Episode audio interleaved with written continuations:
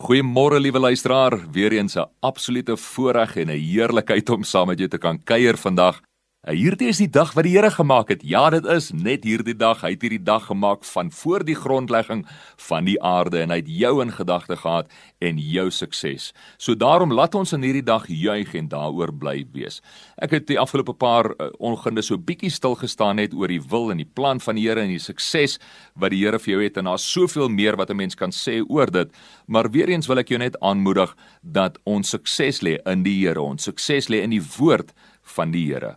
Psalm 19 vers 8 is wat ons laas keer na gekyk het. Nou kom ons kyk wat sê vers 9, Psalm 19 vers 9. Dit sê die beveel van die Here dui die regte koers aan. Dit bring blydskap. Dit bring blydskap. Die gebod van die Here is helder. Dit gee insig.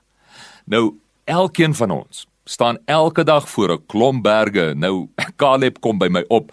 Onthou julle Caleb daar wat mos die land verspied het, uh saam met Joshua daardie tyd toe Moses hulle in die land uh, ingestuur het om dit te gaan bespied en te kyk. Toe Caleb gesê op die ouderdom van 80 nadat hulle nou éventueel die land toe nou inneem nadat Israel vir die 40 jaar deur die wildernis moes trek, het Caleb gesê daai berg het ek gesien 40 jaar terug.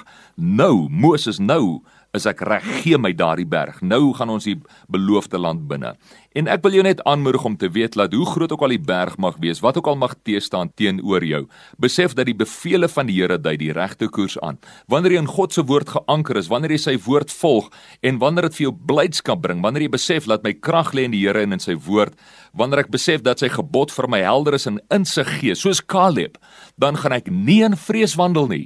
Ek gaan nie toelaat dat ek geïntimideer word deur situasies nie.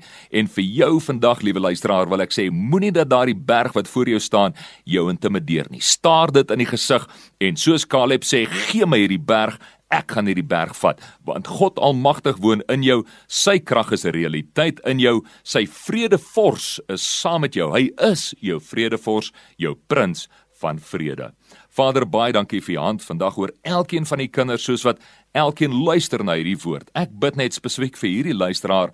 Dankie dat u saam met hom is. Dankie dat u saam met haar is. Dankie dat u hulle bekragtig en wysheid gee en insig en dankie vir die krag en die heerlikheid van die Here wat hulle lei tot die oorwinningslewe en die sukses wat u vir hulle beskore het in die wonderlike naam van Jesus Christus. Amen.